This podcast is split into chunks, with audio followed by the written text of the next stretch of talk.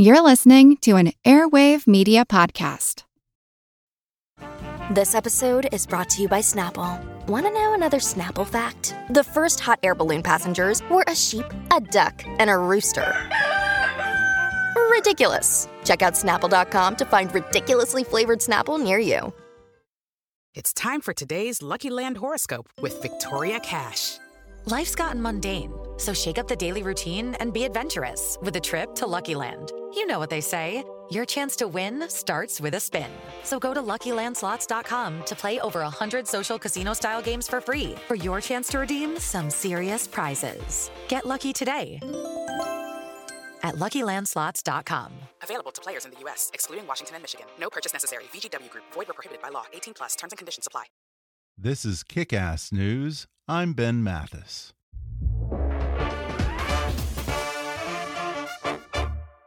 When you need energy on the go and don't have time to wait in line, grab Espresso Monster. Espresso Monster is a premium blend of espresso and cream made with freshly brewed espresso coffee, hormone free milk, and a unique energy blend complete with taurine and B vitamins. Each can has three shots of espresso and comes in vanilla espresso and espresso and cream flavors. I had one this morning before I came into the studio, and let me tell you, it gave me just the boost I needed to get my day going. Plus, it tastes so delicious, I'd drink it anyway. So close your eyes, take a sip, and enjoy Espresso Monster today. And now, enjoy the podcast. Hi, I'm Ben Mathis. Welcome to Kick Ass News. Laurel and Hardy are widely regarded as the greatest comedy partnership in movie history. Between 1927 and 1950, they made over 107 film appearances, defining the notion of the double act with infectious chemistry and hilarious routines that seemed effortless but were honed down to the finest detail. Then, in 1953, diminished by age and with their golden era as the kings of Hollywood comedy now behind them, Stan Laurel and Oliver Hardy made a final effort to recapture the old magic with a variety hall tour of Britain. The charm and beauty of their performances shined through, and the tour became a hit, just as long buried ghosts and Oliver's failing health began to threaten their precious partnership. Now, Academy Award nominated actors Steve Coogan and John C. Reilly portray this most tender and poignant of creative marriages during their swan song in a new film called Stan and Ollie. And today, John and Steve join me on the podcast to talk about stepping into the shoes of this legendary comedy duo and how some remarkable special effects makeup and more than a little bit of padding helped John C. Reilly step into the famously large pants of Oliver Hardy.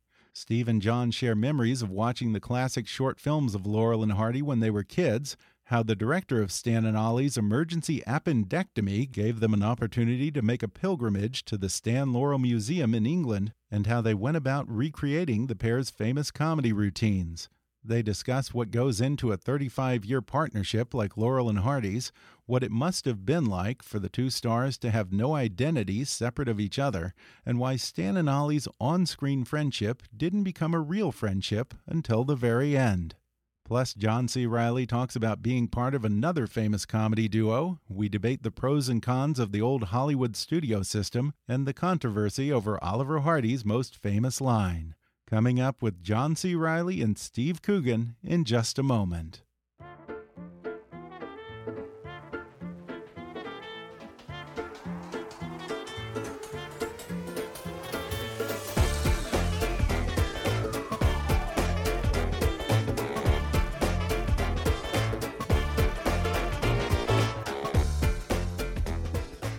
Today I'm sitting down with Oscar nominees Steve Coogan and John C. Reilly, who star as the classic comedy duo Laurel and Hardy in Stan and Ollie, which opens in theaters December 28th. Guys, thanks for sitting down with me. Pleasure. My pleasure. First, just you know, for anyone who doesn't really know Laurel and Hardy in this day and age, Laurel was the skinny one and Oliver Hardy was the fat one, right?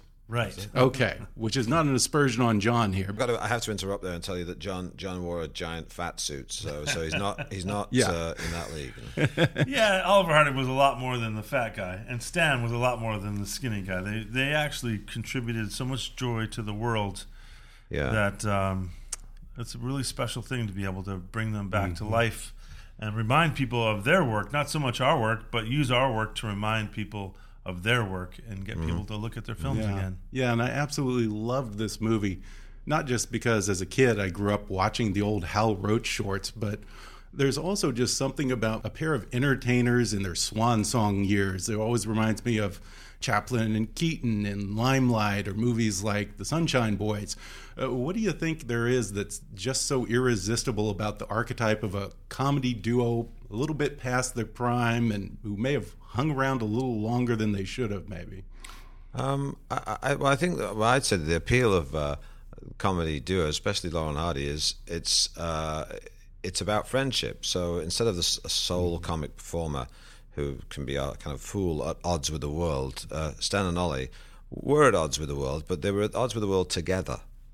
And um, that's an important part of the appeal is that um, uh, and, and why people gravitated towards them is because underpinning all the comedy that they did and did very skillfully and, and with great craft um, was uh, a kind of love for each other that despite their, their uh, differences and the scrapes and, and misfortunes that they get up to um, that you didn't doubt that they were they were uh, their best buddies you know and that uh, as John said on, on numerous occasions you know uh, Oliver may be impatient with Stan but he never leaves him Yeah, I mean, it's funny. You mentioned Limelight. That is that is a great example of a of a behind the scenes kind of movie about comedians, but there there aren't that many. And I think one of the reasons that this film has an appeal for audiences, even if you don't know who Laurel and Hardy are, is because people love going backstage. I think that's what reality TV is all about: getting behind the scenes, behind the artifice and um, there's a fascination with that, and for good reason because it's a very interesting life. It's a life that Steve and I have both had. So Yeah. that's something that we share with Stan and Ollie. This life spent with sore knees and sweaty brows and in makeup rooms behind, you know, behind the stage, talking about ticket sales. Like that's stuff that Steve and I have lived. So. Um, I think, yeah, Yeah. that, and that, and the fact that the, these these two in particular, Stan and Ollie, were a miraculous pairing, and by miraculous I mean they were plucked out of obscurity and thrown together without knowing each other, without having an act, Mm-hmm. and they came, they became one of the most beautiful partnerships in the history of the human race. I think. Yeah, I yeah. can't think of Uh, many they're other iconic. examples. I mean, uh, uh, some things have occurred to me since I've been talking about this movie a, a lot. And one of the things that, uh, uh, having John and I both having ex- experience working in comedy, um, uh, and uh, I think it kind of um, it sets us up. al- Although it's a daunting task, I think we had uh, enough um, tools in our in our toolboxes to uh, to be able to go about it, you know, um, with some uh, tenacity.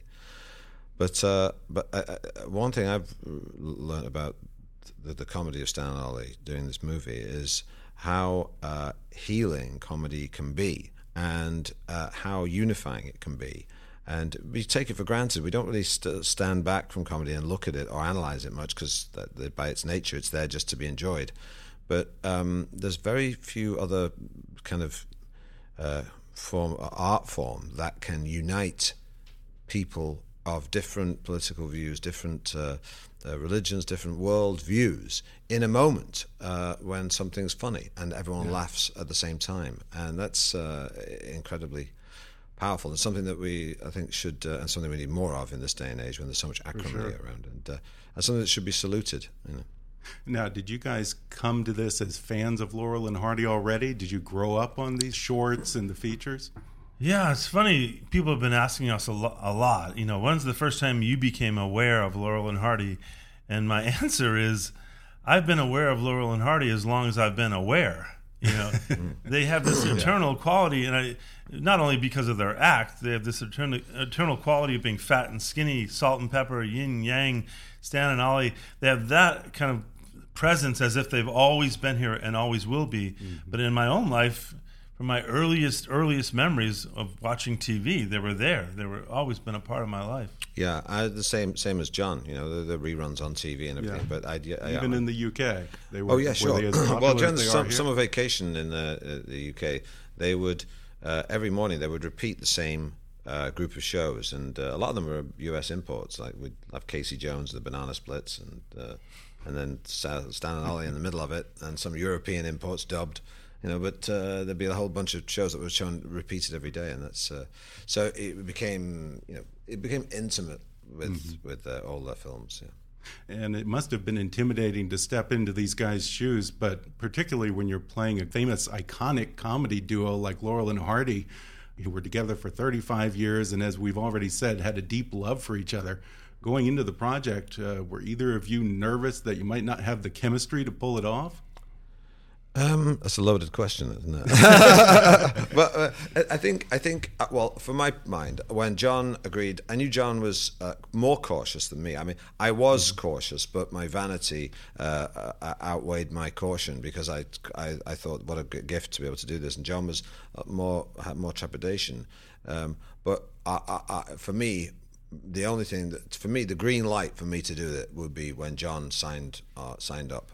Mm-hmm. Uh, chemistry is a funny thing, you know. It's it, we talk yeah. about chemistry as if it's this mysterious thing that falls upon people like a gentle rain. Only some people. I met her and we had chemistry, and I knew we were bound to be married. Uh, and so there's this tendency to feel like you either have chemistry or you yeah. don't. Uh, in my experience, having done four duo movies this year, including this one, um, yeah is that you can create chemistry, but you have mm-hmm. to first of all you have to be working with someone who's not a jerk. which, luckily enough, Steve isn't. Uh, Thanks for saying that. Hopefully, he feels the same way. It, needs to be pointed out sometimes. I'll answer in my own time. okay. But uh, what happens is that if you collaborate with someone, you stand shoulder to shoulder with them, sort of have a foxhole like experience with mm-hmm. them, which is what it was like being shot out of a cannon mm-hmm. into this incredibly intimidating prospect of playing these two legends. Um, what eventually happens is you fail in front of each other a bunch of times, yeah, mm-hmm. and the guy likes you anyway. Yeah. And then you develop trust and you, you're vulnerable yeah. in front of each other, and then presto changeo, you have chemistry. And that yeah. really is, I think, the process as we went through the rehearsals of the characters that is how we found the well, chemistry. Yeah, yeah, I guess it's that you know we needed each other, just like Stan and Ollie did, to pull this off, and um, and uh, you know, and when we were when we re- fortunately when we rehearsed, we were kind of uh, we were rehearsing the, the the dancers and the sketches. We had four weeks rehearsal before the movie started. That was uh, not only a chance for us to to bond uh, and and get to know each other.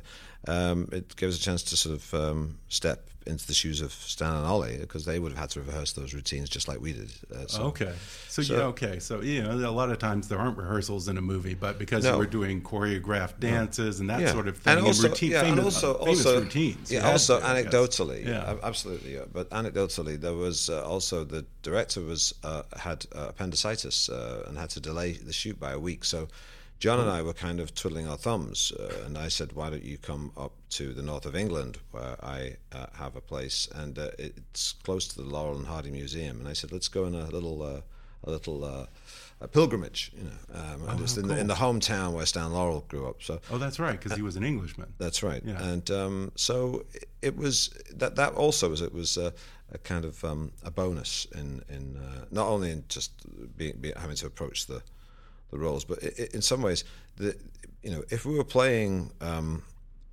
arch enemies, then we wouldn't need to develop chemistry. But mm. we, we, we had to do this. They had to be friends. We inevitably are playing two characters that that uh, rely on each other and help each other, and that's literally what happened to us. Yeah. Now, John, you've been part of an ongoing comedy team of sorts. I think uh, what have you done? About five movies with Will Ferrell, including Holmes and Watson, that's coming up next year. Do you think you could have ever done 107 movies with Will without wanting to kill each other? Well, that's an interesting question, and it is what sets Laurel and Hardy apart from their peers and for, for everyone else, for that matter, in the, in the in the history of the world. They were performers that only worked together from the beginning of their yeah. careers until the end, with one notable exception that we talk about in the film. But um, that is a, a special strain on the relationship to have not only your professional identity, you know, grafted to someone else, but your personal identity. Like when people would see these guys in the street alone, they would say, "Where's Where's the other one? Where's the Yeah, other one? yeah. Like people if couldn't accept the fact Yeah, that they weren't yeah. together all the time. And Yeah. even I, like that was one of the shocking things to learn about the, while doing the research for the film was that they weren't like very chummy socially when they were in their heyday in the 1930s. They were very different people and they'd go off in their different ways. And it wasn't until uh, they did these theatrical tours that they really became close personally, and where they saw the the other human being as opposed to the other side of the act. Yeah, yeah. It's um, it, it, it's it's a very interesting way their their friendship developed, uh, kind of in in reverse because um, back in the day uh, when they were making the movies, uh, Oliver would w- w- wanted. I, I I was thinking about it before, and I think Oliver worked to live, and Stan lived to work. Uh, Interesting. and um, and that had that meant that one of them was a perfectionist and was I would imagine slightly slightly less happy than in his life overall than than Ollie who uh, you know who you know took time to to smell the coffee Yeah. um, uh, but uh, um, in the la- latter years when they toured, they were living in each other's pockets, and uh, I think they discovered that at the end of their year, at the end of their days, that all the people in the professional and personal life had come and gone, and the only constant was the guy opposite them.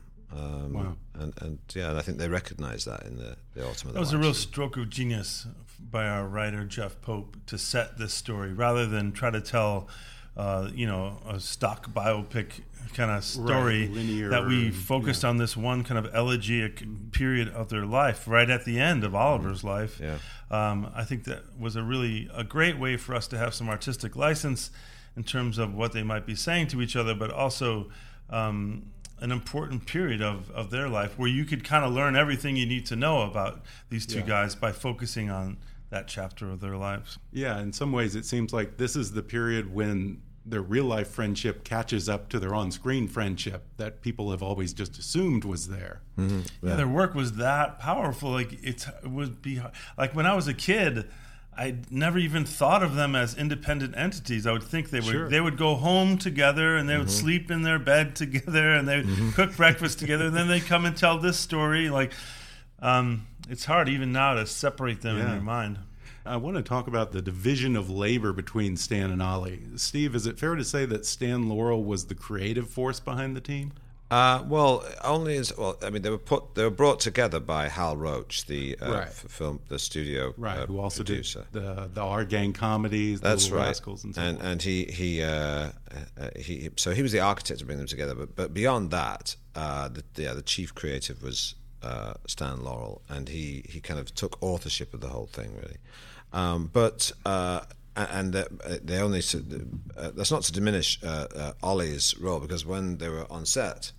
Ollie would work and work, you know, and, and take care with things and talk about, make suggestions and all the rest of it. But um, uh, but once once uh, he clocked off, he clocked off, you know. And I think uh, Stan didn't. It's almost like Stan was writing for an audience of one.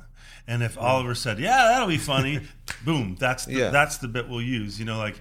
But it was, and it seems like an in, a small, insignificant step in that long process after him doing all this writing and work. But it was a very important one for them. That last sounding board moment when Stan would say, "What about this?" and Oliver Yeah. Oliver's reaction would Yeah, kind of yeah. set what it, what uh, what was going to work for both of them. Yeah, that's one of the most fun parts of this is to see you bouncing ideas off of Ollie and how you're kind of just like you said doing it for an audience of one. And one thing that I kind of come away with in this is these guys just love to entertain. It didn't matter whether it was a theater of thousands or a hotel desk clerk or each other. Mm-hmm. They were the type of personalities like say a Mel Brooks who just walks in and lights up a room and can't help himself. In the movie, it seems like they were the kind of people who just wherever they were, they were always on. Oh, that's what I was Yeah. going to say. I was going to say that, that, that, that, that when they when they did entertain people in in uh, in, uh, in, the, in the if they bumped into someone, they would do a little routine, and they did do this in the, when they were together. Uh, uh, when they were on tour, especially if someone saw them, they would do a little bit of a routine for them. I think they that they it, it was slightly different with them because I felt they did that because they felt they had they they had an obligation to, uh, like a responsibility to, but uh, like a like a an ethical responsibility to be, to be the people that the people wanted them to be. I also think you have to keep in context the time at which they were their most popular in their heyday, when audiences responded to them, it was during the Great Depression in America. It was a very, very difficult time That's for right. people. So, and they were not uh, great stars that were brought together to make a super team. They were struggling. They both went to Hollywood to just try to make a living. Yeah. And so I think they never lost that understanding and that humility that comes Yeah. with it could have been me on that bread line. Yeah. And so when when they saw the joy that they were giving to, to people in desperate straits, that it really resonated for them in a different way that than you know people like us had grown up in a very comfortable you know situation.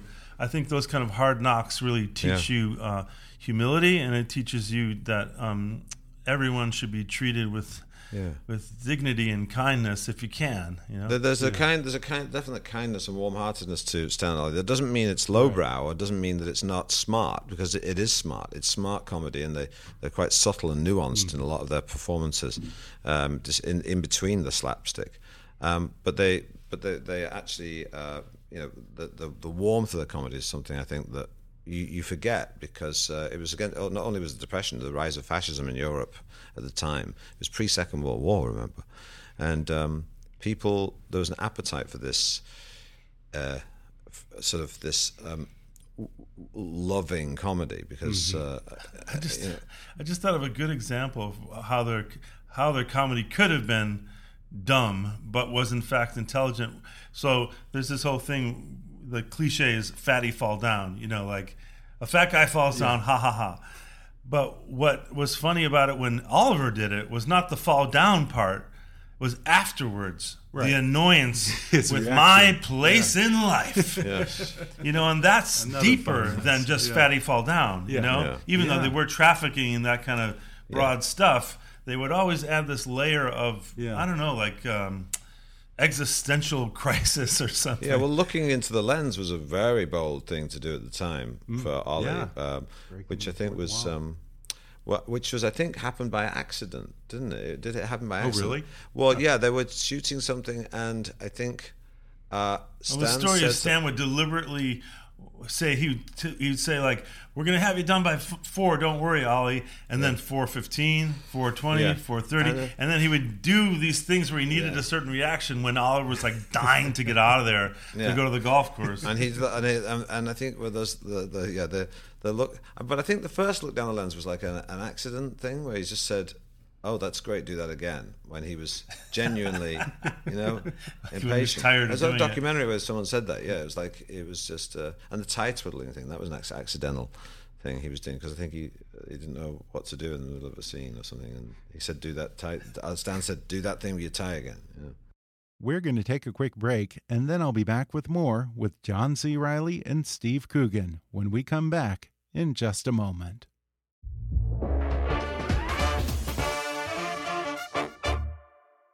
Use your sports and pop culture knowledge to make some extra cash this week with BetDSI.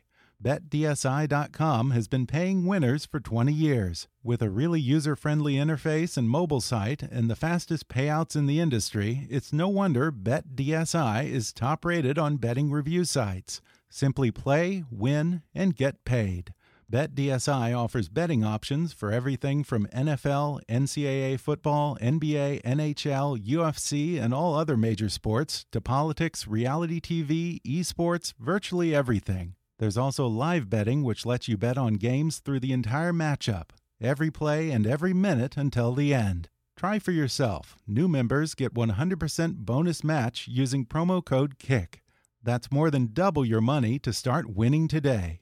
Just go to betdsi.com and use promo code KICK to get this limited time 100% bonus offer and make some extra cash on the sports you know and love. It's only a game until you bet it at BetDSI. And now, back to the podcast. There was a love there that maybe was lacking in similar comedies of the era. When I think back to like the Marx Brothers, which I love the Marx Brothers, there is a lack of the kind of cynicism and the sarcasm that you see in like a Marx Brothers or Yeah. even Abbott and Costello. Sure, there's a kind of a, there's a there's an edgy kind of uh, um, uh, aggression to a lot of that stuff, and which, as I say, sometimes gets confused confused with being more more more uh, sophisticated. That to be cynical is sophisticated, and to uh, be uh, poignant or have um, a kind of a, a, a, gentleness means that you you you know you you're the reverse. So those are two very different examples you give. Abbott and Costello to me represent a kind of exceptionalist American thinking post-war, where Right, it was like right. hyper-verbal, really cynical, hard edged. One guy's dumb, the other guy's smart, Mm-hmm. and you're meant to believe that guy really is smart and that guy really is dumb. Um, the Marx Brothers. Their identity was born out of being Jewish Americans, Mm-hmm. looking at what the world did to Jewish people, and coming from a Mm-hmm. Yeah, ghettoized the kind of performing background of the Jewish theater and all that. So the there's a world weariness to the Marx Brothers routines that that's specific to their experience. And Yeah, that's yeah. different than Laurel and Hardy. Laurel and Hardy almost seemed beyond their time. They they seem to be Yeah, they're kind of talking about issues of the of the human race, not issues of their time. you know? That's that's right. Yeah, yeah, yeah. And uh, you can't work together for 35 years without having some hurt feelings and some resentment. Uh, what do you think was at the crux of the tension between Stan and Ollie? Well, it's, it's, Well, we hypothesized in the film uh, that it was a great, uh, you know, fissure in the relationship when when Oliver went off and did the one film he did without uh, Stan once their career began. Actually, they both worked in film be- previous to working together, but uh, yeah, that look.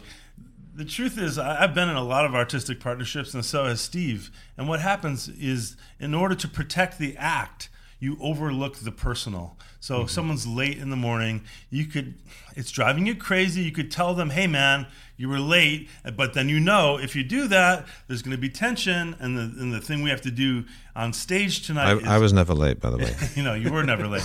But I'm just, I'm just making an example of a little thing that might annoy you that you Yeah. Uh, to benefit the act. Yeah. And what after what happens, you know, even just the smallest things, even if it wasn't such a big betrayal as working with someone else.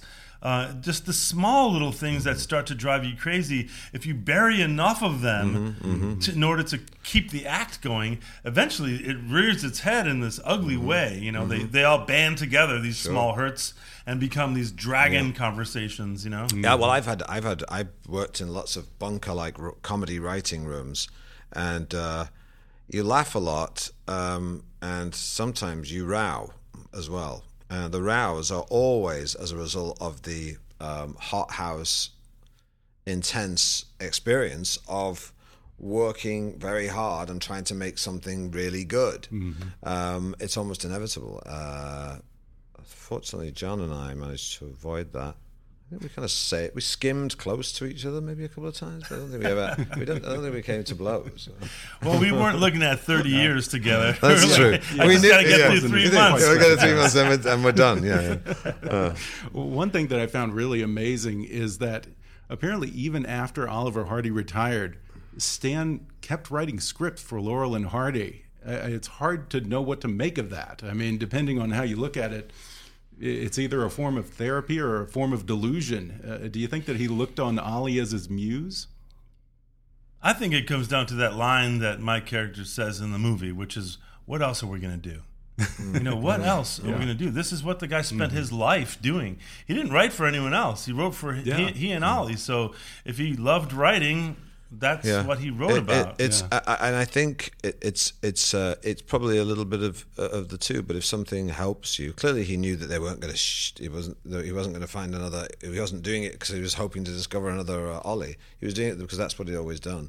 And um, and you know, uh, uh, some of us are lucky enough to do something that uh, as long you know that we, even if we didn't get paid for it, as long as we could make a living, you know, uh, uh, pay the bills, we do it anyway. And uh, uh, so you know, do do it uh, unpaid. Don't tell. Yeah, don't tell- movie business requires a lot of cooperation of other people with money, and when you don't have that cooperation, and when you're an actor, uh, it can be really tough to do what you want to do for a living if you're not being asked to do it by by a movie company. So I, I, I bet in some way it was some way for Stan to continue working in the movies, Yeah. even though movies weren't knocking on the door anymore. Yeah.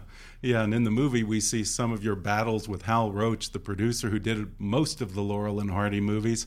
As working actors, are you glad that you kind of weren't around during the golden age of Hollywood? I mean, it seems romantic, but actors were basically one step above being indentured servants in the studio system. Uh, I I mean, yes. I mean, you, the thing is, you would get they they were paid what by uh, reckoning of anyone's reckoning at the time a very good salary um, compared with any ordinary job, but it was not. Um, but it wasn't going to pay for their retirement, and uh, and they. You know, Hal Roach was a hard-headed businessman. That's to be kind, and um, you know he he uh, he played them off against each other and knew what their insecurities were and uh, and divided and conquered in terms of the deal they got and uh, so that that's you know that's uh, uh, you that's that's the the way that I, I often think because I I'm you know people call me a character actor all the time. Some and my dad was obsessed with character actors. He taught me who all the great character actors were of the 1940s anyway, and uh, so I often think of uh, put, trying to put myself in in that situation. Like you asked us, what would how would you fare in the studio system? And in some ways, yes, your we're workaday actors. We're treated like cattle, you know. But if you if you made a few good pictures, like you could become a well-known movie star, and in that case, uh, so one of the big things that we have to deal with as modern actors is generating the next job, finding it, looking for it, generating, finding it, looking for it. But if you were on a studio contract and you were in a hit movie, you you're going to be working as long as those movies kept hitting. You know, like so that's one part of it that you wouldn't have to worry about. So, you know, I did this animated movie at Disney and that in a way was like having a studio job having to go to the same place and report for duty. And i actually found it really comforting and and nice to have the support of a place you know knowing i'm going to be working for this place for three years or whatever it is. I you don't have the terror of like what's going to happen when this all ends. But uh, maybe i'm painting Yeah. a rosier picture of it than, than, than I mean, well, some some people did get, you know, I mean, uh, uh, they did have security. That's what Ollie liked about it. In actual fact, he didn't want to break out on his own. Really, he liked the security of having a salary and knowing where the next paycheck was going to come from. Right, right. And money, I guess, never came easy, or at least they weren't good at uh, hanging on to money. Particularly Ollie, I guess, was a gambler. And it reminds me of years ago, I guess. well the alimony didn't help Well, yeah, Yeah. yeah, that, Either yeah, of them. Yeah, Yeah. what three Yeah. or four, four Yeah. marriages? Yeah. and it reminds me. I guess yeah, probably like twenty years ago, I lived next to what used to be Stan Laurel's house, and in my mind. I thought, oh, old school movie star. He must have some Pickfair like place in Beverly Hills. And here it was. It was like this extremely modest, pretty small little ranch house in Sherman Oaks. That that was his there- big place by the way he Right, ended yeah. up in an apartment in santa Yeah, monica Yeah, yeah, and I've heard from other entertainers who they would call him up because he didn't have an un- unlisted number. He was so cheap hmm. that he wouldn't have his number unlisted. That's so like, right. Dick Cavett and all these kids would call up Stan Laurel and he would talk to them on the phone when they were these little five-year-old kids and so forth. Yeah, yeah. Um, I, I guess if nothing else, this movie is a cautionary tale for an actor about why you need to have a business manager. Yeah, I think, but Well- I think Stan Stan was very happy to talk to people on the phone when they called him. I heard some of the Oh, conversations you did? because he re- some people recorded them, right, right. uh, with the tape recorder from their end of the call, and so uh, yeah, he, he Yeah, at he- the time that those phone calls were coming in, they weren't so legendary. You know what I mean? They were kind of hmm. forgotten. So I, I hmm, bet Yeah. they felt kind of happy that people mm-hmm. were still cared enough to reach out. Yeah, um, it, it, it's funny because you don't. You yeah, they weren't. They weren't. People forget. People think that when they see these old, old a lot of these even iconic movies, um, there was a fallow period after you know after they had their life at the cinema. Hmm. They thought that that was it. There was never. There was not going to be any other medium to exploit. So you know, in in, in Yeah, in, it's in- Once you were out of the theaters, then you're out Oh, of yeah. the theaters. Yeah. That's it. There you know, was no in, other. in the, those days, t- TV was as unforeseeable uh, a kind of uh, you know media as as the internet was 30 years ago. sure. You know, people just didn't couldn't see it. Right. And, Couldn't and see it wasn't coming. really, I guess, till the '60s when they started having revivals in movie yeah. theaters, Well, and, and, and reruns even, on it- television. And, and pl- plenty of things were appreciated in a different Mm-hmm. way. There's a kind of a craft that people. Would, I mean, like I remember reading the uh, "It's a Wonderful Life." that was kind of a forgotten movie at the time. It came, had its life in the cinema, and it went away. Right. And it was only in the 1960s on TV that, it, that the love for it grew. Mm-hmm. And uh, the same, I think, is true of uh, Stan and Ollie, is that, that when something's out at the time, you don't analyze it too much. But then years later, you think, why is this stuff still funny? And people sort of appreciate it not just in a disposable way. They, they don't just laugh and forget about it. They go, they laugh and they go, these guys are great. But How you're right. they They, they could have used a better agent.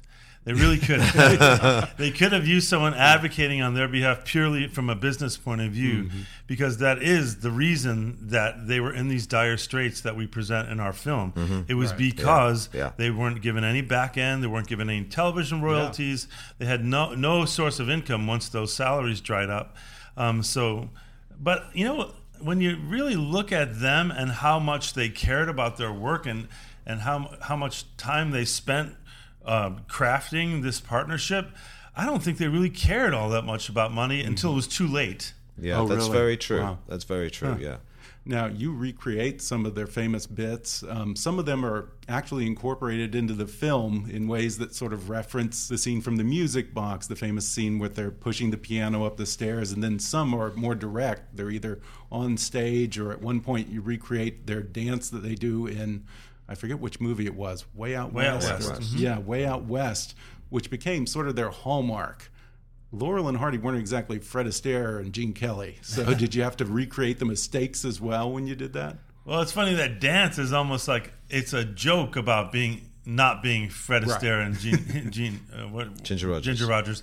Um, it's it's literally a dance a child could do at first. Anyway, Yeah. it starts from a toe tap to another toe tap Yeah. to its shuffle you know like and so it builds in this way. It's it's actually it's it's really not surprising that it became the hallmark performance of their careers hmm. because in a way it's a distillation of what they did so perfectly in so many other ways it is an escalation of a simple idea. Mm-hmm. You know whether it's destroying a car in a tit for tat battle or whether it's you know failing to get a piano up a set of stairs it would start in this very simple innocent way and build into catastrophe Yeah. or into something so complicated it's absurd so uh, yeah that dance we definitely had to uh, that's the one thing in the film that we did we tried to do forensically like we're going to do this ex- if we can as much as we can we're going to do it exactly like they did it down to the little shambling mistakes uh, you know there's a looseness to that dance it's not just it's not like a perfectly executed Yeah, dance. Yeah, that was that was uh, quite tough because then we had to learn the correct version of the, da- the the version of the dance without the mistakes for when they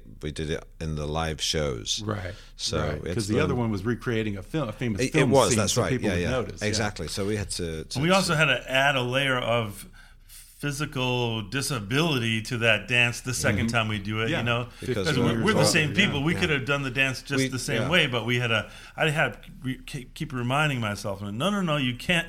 You can no longer jump like or without hurting your knees really bad. Mm. or- Yeah. Yeah. Now that that scene is part of this extended scene that the film opens with. It's an incredible six-minute tracking shot that follows you guys from the dressing room through this famous Hollywood studio lot and onto the set, right into an argument with Hal Roach. Um, that looked like a really tough scene to shoot from an actor's perspective, or from anyone's perspective, I guess. But one mistake, you've got to go and reshoot all over again. How many takes did you guys have to do? Well, I think we did about twenty eight takes of, that's of one section. It's of in- one it's- section. It's actually three pieces. It's actually three stitched pieces stitched together. Yeah. Uh, yeah, there's there's the 28, wasn't there? And there's 18 on, in the studio, I think I remember. There's 28 was in the the one Mm-hmm. The where we- walking when they one. walked through the back lot. Yeah. that- we did 28 takes of that. Wow. And uh, before we got one, I think that worked. I actually love it when when you have to, you know, film is so stop and start. Yeah. You get so used to or sort of conditioned to directors saying, "Oh no, stop, uh, do this," or that was a mistake. Just go again, and you you never get like a long run out of something. Mm-hmm. So when we do these long walking and talking shots in movies, I love it because it reminds me of doing theater. You know, it's like. So long, director.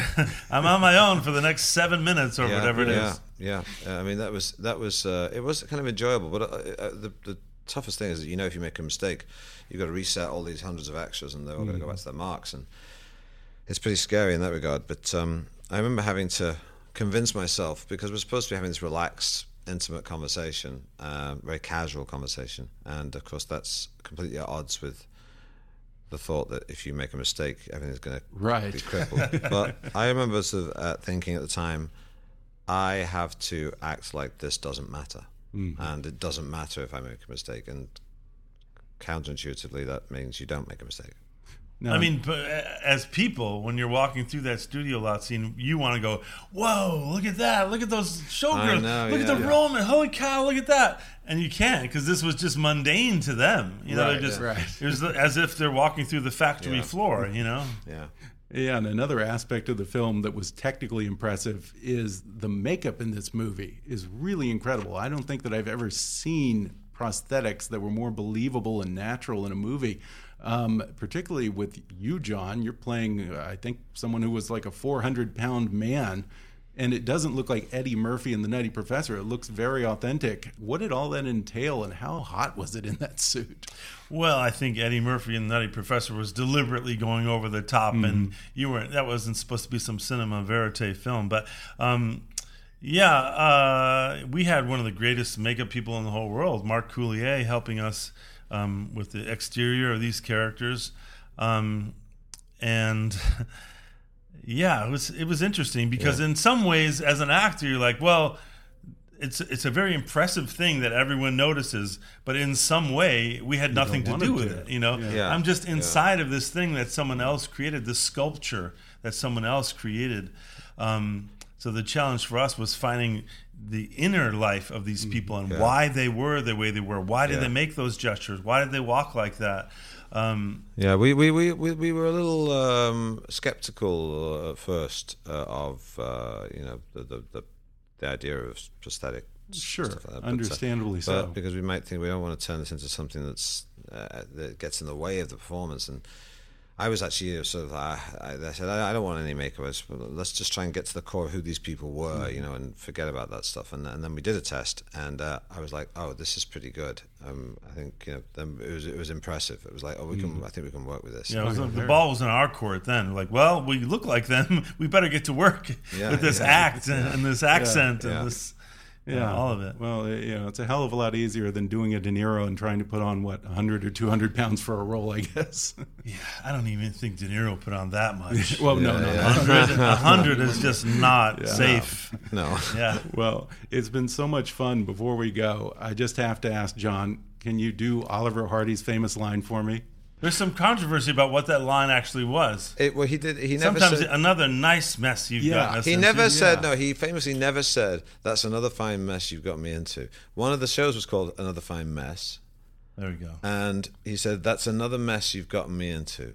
But he never said it's another fine mess you've got me into. That's one for the anoraks. Uh. You guys sound like the real thing. We've set the record straight on Kick Ass News. Well, once again, the movie is called Stan and Ollie in theaters December 28th. Steve Coogan and John C. Reilly, thanks for talking with me. My Thank pleasure. you. Pleasure.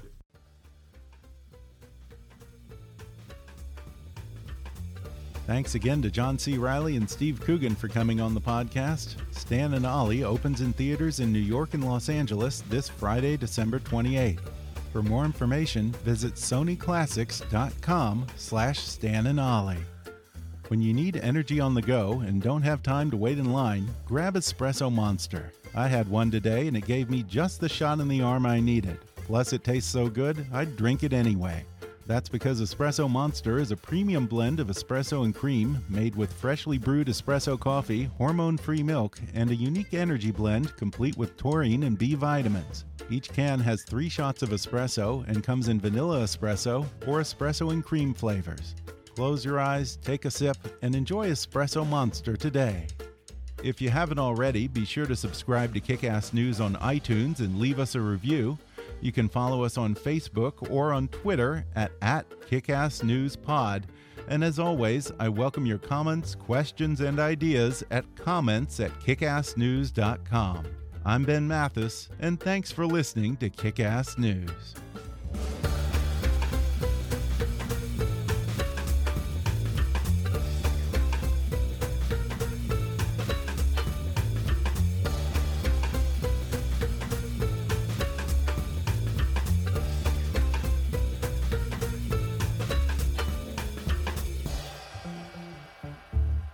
Kickass News is a trademark of Mathis Entertainment, Inc.